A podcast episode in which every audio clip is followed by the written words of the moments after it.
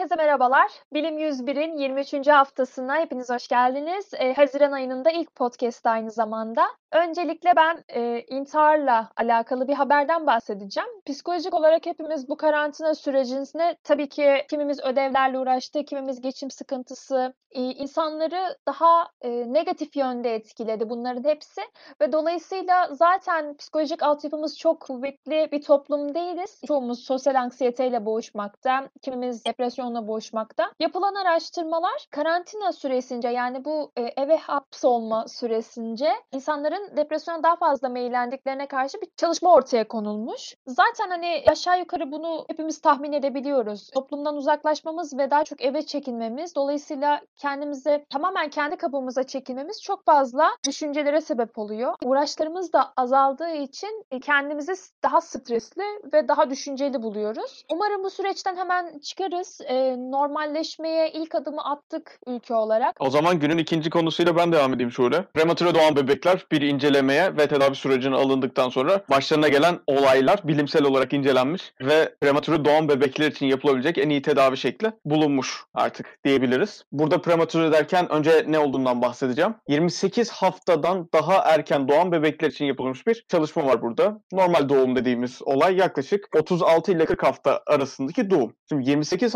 haftadan önce doğan bebekler genelde ki bu 7,5 aya yaklaşık denk geliyor. 7-7,5 ay sanırım. Şu andaki hesabım yanlış da olabilir. Bu bebekler küveze alınıyorlar direkt olarak. Çünkü tam olarak hayati organları gelişmiş değil. İşte kalbi atıyor doğru ama mesela akciğerleri henüz tam olarak düzgün çalışmıyor. Bu bebekleri biz bugün küveze alıyoruz. Amerika'da yapılmış bir çalışma. Çok uzun yıllardır yapılıyor tabii. Bu bebeklere aldıktan sonra sürfaktan denen bir madde verilmesi sonucu bebeklerin büyüdükten sonra yaşam ömürlerinin normal insanlara göre bile daha uzun olduğunu ve daha sağlıklı olduğunu görmüşler. Şimdi burada sürfaktandan bahsedeyim. Bu bebeklerdeki sıkıntı ne diye. 28 hafta ve daha öncesinde doğan bebeklerde organların etrafını kaplayan sürfaktan dediğimiz bir madde var. Bu akciğerimizin içerisinde de bulunuyor bizim ve bir kaplayıcı madde diyebiliriz buna. Bu koruyucu etki gösteriyor. 28 haftadan önce doğan bebeklerde bu sürfaktan yok. Bunun için yapılmış tedavide de bebeğe dışarıdan yani bizim ilaç gibi aynı o şekilde sürfaktan veriliyor. Ee, normal gelişim süreci tamamlandıktan sonra artık yetişkinliğe doğru büyüyor diyelim, evriliyor diyelim ne dersek. Büyüdükten sonra zaten asıl olay da burada başlıyor. 20 yaşını 30 yaşını geçtikten sonra artık bu çalışmaların özetlerini elde edebiliyoruz. Bu bebeklerin sağlık durumlarına bakıldığı zaman prematüre doğmuş bir insan kendi yaşıtlarına göre daha sağlıklı olduğu görülmüş ve e, daha uzun yaşam beklentisine sahip olduğu fark edilmiş. Tabii e, bununla alakalı artık bir bilimsel çalışma şeklinde yayın yapılmış. Artık güvenilebilir bir istatistik var ellerinde. Ancak yine de ne kadar küçük bir kitlenin hedef alınabildiğini gördüğümüz zaman bu konu hakkında daha fazla çalışma yapılması belki bu şekilde prematüre doğan insanlarda belki X hastalığının daha az yatkınlık gösterdiği veya genetik fonksiyonların e, daha iyi çalıştığı gibi şeylerle sonuçlanabilir. Çevremizde de duymuşuzdur hani sen de bahsediyordun yanlış hatırlamıyorsam şöyle böyle e, prematüre doğan e, kişilerde birazcık daha ne derler direnç fazlalığı olabiliyor diye. Bu konu hakkında senin söyleyeceğin bir şeyler var mı? Evet, prematüre birey çok fazla var çevremde ve şu zamana kadar dikkat ettiğim en azından yani bilimsel bir gerçeğe dayanmıyor fakat çevremden gözlemlediğim kadarıyla hassasiyeti daha fazla oluyor ama bununla e, mücadeleleri daha yüksek oluyor. Benim gördüğüm en azından buydu. Ya bu habere de o yüzden çok fazla hani şaşırmadım çünkü hani az çok edindiğim fikirlerden bir tanesiydi. Etrafında prematüre birey çok olan insanlar hani bunu fark etmiştir belki. Şöyle yanlış anlaşılmasın prematüre bebekler normal bebeklere göre daha sağlıklı olduğu anlamına gelmiyor bu. Sadece prematüre doğmuş ve bebeklik sürecini atlatabilmiş bireyler yetişkinlik dönemlerinde daha sağlıklı hale geliyorlar. E, ben de birçok genetik hastalıkta, kalıtsal hastalıkta ya da herhangi bir hastalık türünde tedavi olarak kullanılabilecek bir çalışmadan bahsetmek istiyorum. Yapay kan hücresi geliştirilmiş. E, şöyle zaten şu an günümüzde kan hücrelerine baktığımız zaman esneklik, oksijen taşıma ve uzun süre dolaşım sisteminde bulunabilme gibi özellikleri var. Yapay kan hücreleri ilk defa yapılmıyor. Daha önceden de yapılmıştı. Ama bu az önce saydığım 2-3 özelliği birden taşımıyorlardı. Ya esneklik sağlıyorlardı ya sadece oksijen taşıma yapabiliyorlardı, bağlanabiliyorlardı ama dolaşım sistemi tarafından reddediliyorlardı. Ee, ama yapılan bu yeni yapay kan hücresi sayesinde bu üç işlevi yerine getirebiliyor. Artı olarak bu üç işlevi üzerine yeni işlevler ekliyor. Ee, yani bunu şöyle düşünebiliriz aslında. Vücudunuzdaki bütün kanı değiştirip sentetik bir kan hücresi salgılamanız sağlanarak ve onun üretimi sağlanarak aslında biz kan hücresine ek özellikleri ekleyebiliyoruz. Peki bu özellikler ne olabilir diye düşünüyor olabilirsiniz sonuçta. Gereken her şeyi yerine getiriyor kan hücrelerimiz. Bunlar arasında en üst sırada ilaç taşıma var. Şöyle düşünün. Bir ilaç aldığınızı düşünün ya da şu e, cilt üzerinden cilt altından uygulanan insülin tedavileri gibi düşünün. Vücudunuza bir şey takıldığı zaman e, bir ilaç kaynağı deposu gibi e, bu kan hücreleri yönlendirilerek günün uygun zamanlarında, saatlerinde, tarihlerinde ilaçlarını vücudun ulaştırılması gereken yerlerine taşıyabilir. Aynı zamanda bu yapay kan hücreleri manyetik olarak hedeflenmeyi de destekliyor. Yani bir bölgede bir hastalık, bir enfeksiyon ya da bir sorun varsa oraya bir şey taşınması ya da bir şeylerin oraya yönlendirmesi gerekiyorsa ve vücut bunu tanımadıysa manuel kontrol tarzı dışarıdan bir yönlendirmeyle bu kan hücreleri o yöne hedeflendirilebiliyor. Ve buna ek olarak aynı zamanda toksisite tespiti yapabiliyor. Yani kısaca şu anki kan hücrelerimizin yaptığı şeyi yapmakla kalmayıp üzerine yeni özellikler ekliyor aslında. Hazır hastalıklardan bahsetmişken bir bakteri türünden ve bu bakterinin e, bizde yarattığı etkilerden bahsedeceğim. E, Staphylococcus aureus dediğimiz bakteri türü bildiğiniz gibi birçok hastalığa neden oluyor bizlerdeki. Fakat bu bakteri ve türlerinin şöyle ki bazı özellikleri var. Antibiyotik direnci gibi. Ne kadar antibiyotik kullanırsak kullanalım bu tarz bakteriler bizdeki antibiyotik direncine karşı yani aldığımız antibiyotik karşı dirençli olduğu için tedavi sürecimiz çok daha gecikiyor veya hiç olmuyor. Yapılan çalışmada Teikobaktin dediğimiz e, bazı bakteri türlerinin ve gram pozitif bakterileri öldüren peptit benzeri bir ikincil metabolitin uygulanmasıyla bu bakterilere antibiyotiğe karşı rezistanslarının azaldığını aynı zamanda hastalıkları ilerletme süreçlerinin e, önüne geçildiği bulunmuş. Şöyle ki bu bakteriler özellikle diyabetik hastalar veya kanser hastaları gibi işte bağışıklık sistemi baskılanmış hastalarda, e, yaşlı olan bireylerde grip sonrası bile sekonder bakteriyel enfeksiyonları daha ölümcül bir enfeksiyona neden olabiliyor. Dolayısıyla bu hastalıklar her ne kadar e, sağlıklı insanlar için ufak görünse de e, bir takım kitleler için ölümcül nitelikte olabiliyor.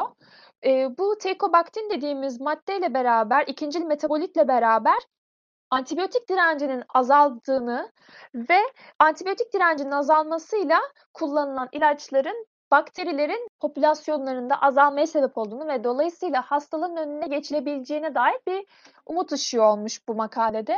Bu çalışmayla alakalı önemli nokta şu, benim de eklemek istediğim şu olacak şöyle. Özellikle bizim bugünkü antibiyotik kullanışlarımız bizim daha çok antibiyotik direncine sahip olmamıza ve bu bakterilerin mesela Staphylococcus aureus'tan bahsettin. Bunların ilk çıkan suçlarında böyle e, antibiyotiğe dirençli tarzında alt suçlar yoktu.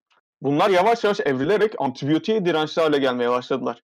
Bu zehirin kullanılması yani bu poison denen e, maddenin kullanılması işte bu noktada şunu sağlayacak bize. Antibiyotik kullanımını azaltarak bu bakterilerin antibiyotiğe olan direncini evrim yönünde gittikçe aşağıya çekerek bizim antibiyotik kullandığımızda, kullanmamız gerektiğinde daha fazla ya da daha yararlı olmasına sebep olacak diyebiliriz. Şimdi bununla alakalı başka bir konuya geçeceğim ben. Birazcık ekolojiye de adanacağım artık antibiyotikten çekilip. BBC'de ya da Net Geo'nun bir belgeselinde izlediğimi hatırlıyorum. Dev eşek arılarından bahsedeceğim. Japonya'da bulunan. Ee, tabii Asya dev eşek arısı olarak geçiyor bunlar. Ancak benim bahsetmek istediklerim özellikle yani ismi birazcık daha benim ilk gördüklerim dev Japon eşek arısı şeklinde olanlar. Şimdi özelliği ne derseniz öyle bir çene yapısı var ki ağzını açtığı zaman bir arının kafasını içine alabiliyor ve böyle bizim dışarıda gör, görüp de hani irkildiğimiz eşek arılarından en az 3 kat daha büyük olan e, eşek arılarından bahsediyorum. Yani devasa arılar bunlar. Asya'da özellikle tropik bölgelerde yaşayan bu arıların korkunç özelliği şu. Bal arılarının çok az miktarda 50 tanesi 100 tanesi bile bir bal arısı kolonisini bulduğu zaman oradaki bütün arıları öldürebiliyor. Ve bunun amacı şu. O arıları öldürdükten sonra içerideki larvaları alıp kendi e, yavrularına besin olarak götürmek ya da kendileri için yemesi ve aynı zamanda götürdükleri ikinci besin de artık yani cannibal değil bu ama farklı bir vahşilikle bu öldürdükleri arıları öldürüş biçimleri şu oluyor genelde. Tam bizim böyle toraksla kafanın yani böyle tam boyun gibi bir alan düşünebilirsiniz. Oradan çenesiyle arının kafasını bildiğiniz çat diye kopartıyor. ve bu kafayı alıyor kendi yavrularını götürüyor yemek yemeleri için. Şimdi Asya'da bu arılara alışılmış durumda nispeten ama yine de Japonya'da yanlış hatırlamıyorsam yılda bir 50 kişiye kadar hastanelik etme vakası var ve ondan fazla kişiyi öldürdüğünü hatırlıyorum. Bu yıl, e, daha doğrusu geçen yıl ilk kez görülmek üzere, bu yılda çalışması artık net bir şekilde onaylandı. Evet tekrardan görüldü denildi. Amerika'da bu arılara rastlandı. Şimdi e, sıkıntı şu bu arılarla alakalı. E, ciddi bir istilacı türler aynı zamanda. Çünkü bu arıları yiyecek türde bir artık e, memeli denebilir, bir sürüngen denebilir herhangi bir şey Amerika'da yok. Ve bu arıların normalde yaşamaları gereken yerde Amerika değil. Asya'dan buraya kadar gelmeleri ciddi bir sıkıntı oluşturmuş. Ve e, biz daha henüz başındayız bu yayılımın. Geçen yıl ilk kez rastlandı bu Turisme Vespa mandarinia olan e, eşek arısına. Ve bu yıl da tekrardan görülünce artık bir yayın yapma gereği duydular. Çünkü evet e, geçen yıl bir tesadüf olmamış sanırız.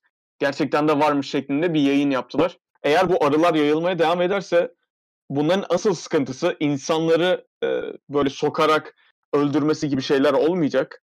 E, daha çok bal arılarına zarar verdiği için gerek o ekolojiye gerek de e, çiftçilerin kullandıkları işte çilik olabilir, domates olabilir arılarla e, polenleme yaptıkları e, bitkilere bağlı tarımı ciddi anlamda e, zarar gö- görecek şeklinde bir beklenti var.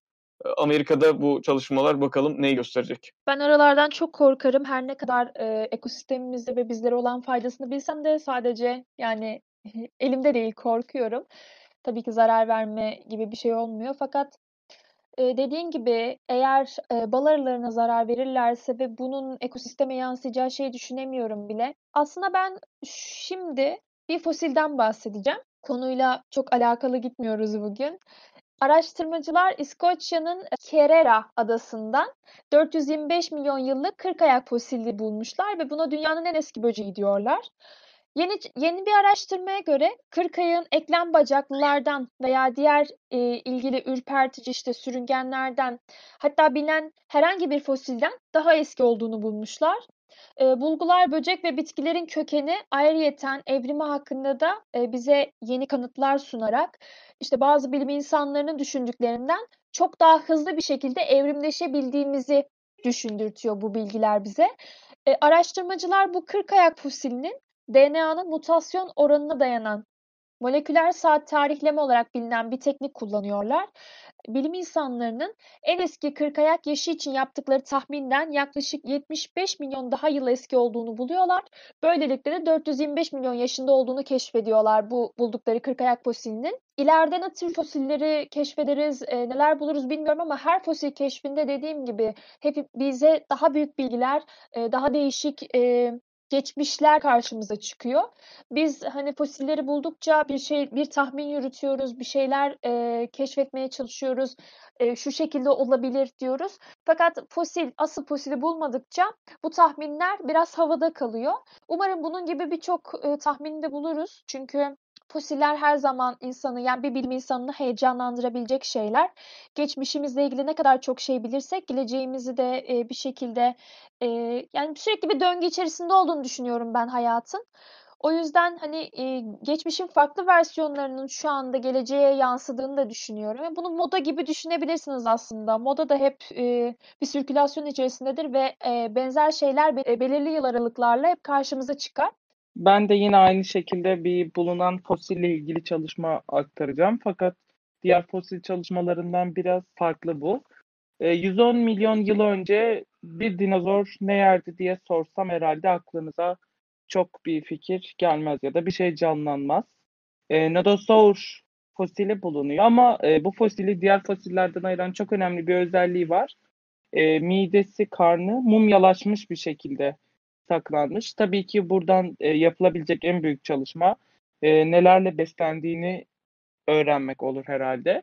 Mikroskobik incelemeler yapılıyor özel tabii ki. Bu dokular çok yıpranmış, zarar görmüş, zedelenmiş, çürümüş, çözülmüş daha doğrusu yapılar içeriyor. Ama bakıldığı zaman ilginç bir şekilde e, çoğunlukla hatta tamamen en azından bu dinozor için bitkisel kaynaklı bir beslenme yaşadığı gözleniyor. Hatta e, yapılan analizler sonucunda bu bitkinin eğrelti otu olduğu da ortaya çıkarılmış. genellikle yapraklarını yiyormuş eğrelti otunun ama aynı zamanda dal ve gövdesinden de bazı parçalar barındırıyormuş. Bilim insanlarını şaşırtan diğer bir şey de e, kömür olması olmuş. E, bazı yapılan e, botanik, evrimsel botanik çalışmalarıyla birleştirip e, ve analizler yaptıktan sonra şuna karar kılmışlar ki e, bu bahsetmiş olduğum dinozor bir yangından sonra o ortamda çıkmış, büyümüş olan eğrelti otunu tükettiği kanısına varmışlar. E, ilginç bir çalışma yani aktarmak istedim. Linkinde aynı şekilde analizlerin nasıl yapıldığına dair ve bazı mide görüntüleri de var. Siz de bakmak isterseniz. Farklı bir bakış açısı. Özellikle kömürden böyle bir yorum yapabilmeleri, uygun verileri bir araya getirip çok hoşuma gitti açıkçası. Ya değil mi? Şimdi birazcık da yine hayvanlardan devam edip çiftliklere geçeceğim. Ekolojik geri dönüşümle alakalı bir haberden bahsedeceğim şimdi. Amerika üzerinden yapılmış bir çalışma yine. Ancak yani dünya genelinde uygulanabilir. Aldıkları veriler en azından Amerika üzerinden yapılıyor. Bugün sadece Amerika'da yıllık 7 milyar tane yumurta üretiliyor. Bildiğimiz o sabahları kahvaltı dediğimiz tavuk yumurtalarından bahsediyorum. Bu yumurtalarla alakalı şöyle bir şey var. 200 milyon adet yumurta bizim sofralarımıza hiç ulaşamıyor. Çünkü gerek yenilebilirlikleri olmuyor Gerekse de bazı işte bozulma problemleri gibi şeyler olabiliyor. Yeterli ısıyı almıyorlar. Bazen fertil oluyor. Yani yumurtadan civciv çıkacak duruma gelebiliyor. Ve bu üç, e, %3'lük e, kısma denk gelen 200 milyon tane yumurta çöpe atılıyordu. Bu çöpe atılmanın önüne geçmek için acaba ne yapmışlar diye, e, acaba ne yapabiliriz diye düşünmüş bir grup bilim insanı ve akıllarına şu gelmiş. Belki duymuşsunuzdur yumurtanın beyazı özellikle albümin denen e, bir protein çeşidiyle kaplı ve bu albümin antibakteriyel özelliğe sahip. Ve sadece antibakteriyel de değil, yumurtanın özellikle embriyosunu korumak için o yumurta beyazı olmazsa olmaz. Bu fikirden yola çıkarak demişler ki biz acaba bu çöpe giden yumurta beyazlarını hem kimyasal olmadığı için kullanabilir miyiz? Hem bu çöpe gidiyor biz bundan bir şey elde edebilir miyiz? Hem de korumak için yenebilir bir ürün kullanabilir miyiz? Yani kimyasal kullanmadık, yenebilir ve e, geri dönüşümle alakalı bir çalışmaya elde etmiş oluruz diyorlar. E, şöyle bir araştırma yapıyorlar. Yumurtanın beyazını alıyorlar ve e, yaklaşık oranı %70 yumurtanın beyazından oluşan %30'u da odundan gelen selülozun karışımıyla yapılmış. Bu selülozun önemi şu, nano boyuta düşürüp çok ince aralıklar oluşmasını ve bu sayede e, koruyuculuğu arttırmasını sağlıyorlar. Dediğim gibi %30 odunsal kökendeki selüloz, %70 de yumurtanın beyazından gelen albümini birleştirerek bir deney hazırlıyorlar. Bu koruyucuyu e, çilek üstünde deniyorlar. Bir grup çileği bu koruyucusuz şekilde aynı ortamda bekletip diğer grubunda bu kaplayıcı özellikle e, kaplıyorlar ve bekliyorlar. Ve bunun sonucunda e, beklendiği üzere yumurtanın beyazından yapılmış o koruyucu maddeyle kaplanmış çileklerin, avokadoların, muzların ve diğer meyvelerin kaplanmamışa göre daha uzun süre taze ve bozulmadan kaldığını görüyorlar. Bu maddeyle alakalı daha ileride acaba biz ne yapabiliriz şeklinde düşünüyorlar. Çünkü unutmayalım 200 milyon tane çöpe giden yumurtanın geri dönüşümü demek hem yumurta endüstrisinin %3'ten daha büyük bir ekonomisinin geri dönüşü demek hem de e, gerek çilek gerek avokado gibi bozulması oldukça kolay olan meyvelerinde aynı şekilde daha yavaş bozulmasıyla alakalı bir avantaj sağlayacaktır bize.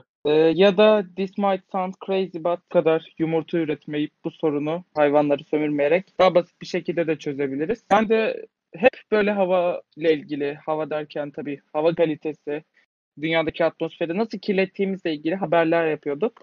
Bu sefer tam tersine yapılmış olan bir çalışma yapıldı. Ee, çalışma şimdi hep biz PISA'na şuradaki hava kalitesi düşük, şurası şöyle, burası böyle diyoruz ama en temiz hava bölgesi bulundu dünyadaki. Ee, bu çalışmayı nasıl yapıyorlar derseniz e, bir sürü bölgeden, alandan su örnekleri, bakteri örnekleri e, ve birçok farklı analiz için veri toplanıyor. Bu analizler sonucu en temiz hava bölgesinin Tazmanya ile Antarktika arasında olduğu keşfedilmiş. Hatta daha spesifik olmak gerekirse 54 derece ile 64 derece enlemleri arasında olduğu keşfedilmiş. Yani e, gidip bir nefes almak isterdim orada merak ettim. Çok da aslında büyük bir alan da değil böyle hani fotoğrafını falan da çekmişler koymuşlar hani buranın havası dünyanın en temiz hava kabarcığı diye. Fırsatınız olursa bu konumlara gitmenizi tavsiye ederim. Evet havadan bahsettin. Şimdi başka bir kaynaktan bahsedeceğim. Enerjiden. Yeterince zeki birisi bizim gölge olarak adlandırdığımız şeyin aslında tam karanlık olmadığının farkındaymış. Aslında bunu hepimiz biliyoruz ama bu farkında olarak demiş ki acaba e, ben gölgeden de solar panel kullanarak enerji elde edebilir miyim? Bunun yararlı olabileceği şekli düşünmüş. Demiş ki yani ben bunu şey yaparsam özellikle enerji elde etmeyi başarırsam ileride şehirleşme arttıktan sonra insanların çok büyük güneş alan alanlar haricinde de solar enerji yani güneş enerjisinden elektrik üretmesini sağlayabilirim demiş. Ve bir cihaz üretmiş bununla alakalı. Bu cihaz özellikle gölge ile ışığın arasındaki kontrast farkından yararlanarak yani elektron enerjisini harekete geçirmeyi planlıyor. Ancak e, asıl zaten dikkat çekici nokta şu bununla alakalı. Dediğim gibi bizim gölge olarak adlandırdığımız yerler direkt olarak güneş almasa dahi ışık enerjisiyle dolu yerler aslında. Çünkü bizim hala gözümüzle görebildiğimiz kadar aydınlıklar. Sadece direkt olarak güneş vurmuyor. Biz solar panellere genel olarak direkt ışık vurmasını daha faydalı bulurken daha iyi iletkenlerle, daha oynak mı desem, daha aktif elektronlarla daha az gölge, e, daha az ışıklı ya da daha çok gölgeli yerlerde acaba ben elektrik üretebilir miyim diye düşünmüş ve bunu başarmışlar.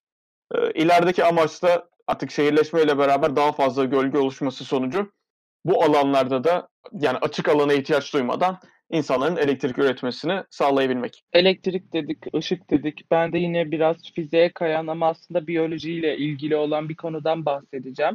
Ee, şimdi böyle biz bir sürü film yapmışızdır. Harry Potter'da görmüşüzdür. Görünmezlik hep düşünürüz. Ee, havalı bir şey olarak düşünürüz ama aslında bu o kadar uzak bir özellik değil. Bunu gerçekleştirebilen canlılar var açıkçası. Ee, şöyle ki e, genetik olarak insanların hücrelerini düzenleyip saydamlık seviyesini ayarlamak istemiş genetik çalışan bilim insanları.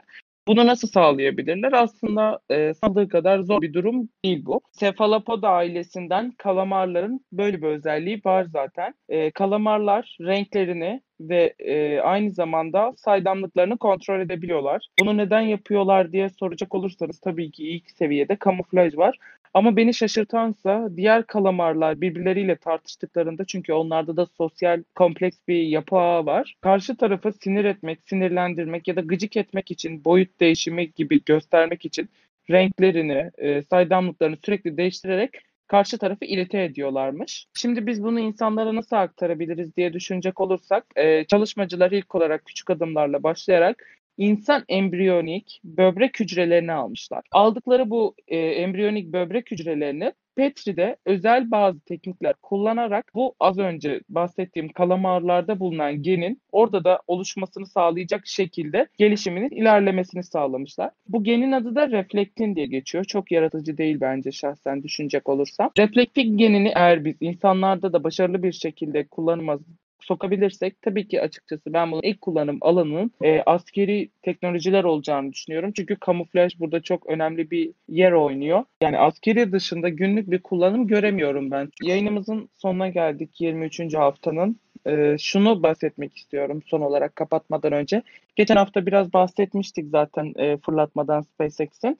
E, baştan sona tüm süreç başarılı bir şekilde gerçekleşti. Gönderim tamamlandı. 20 saat sürdü istasyona kenetlenmeleri, istasyonun ve onların yavaşlamasıyla beraber.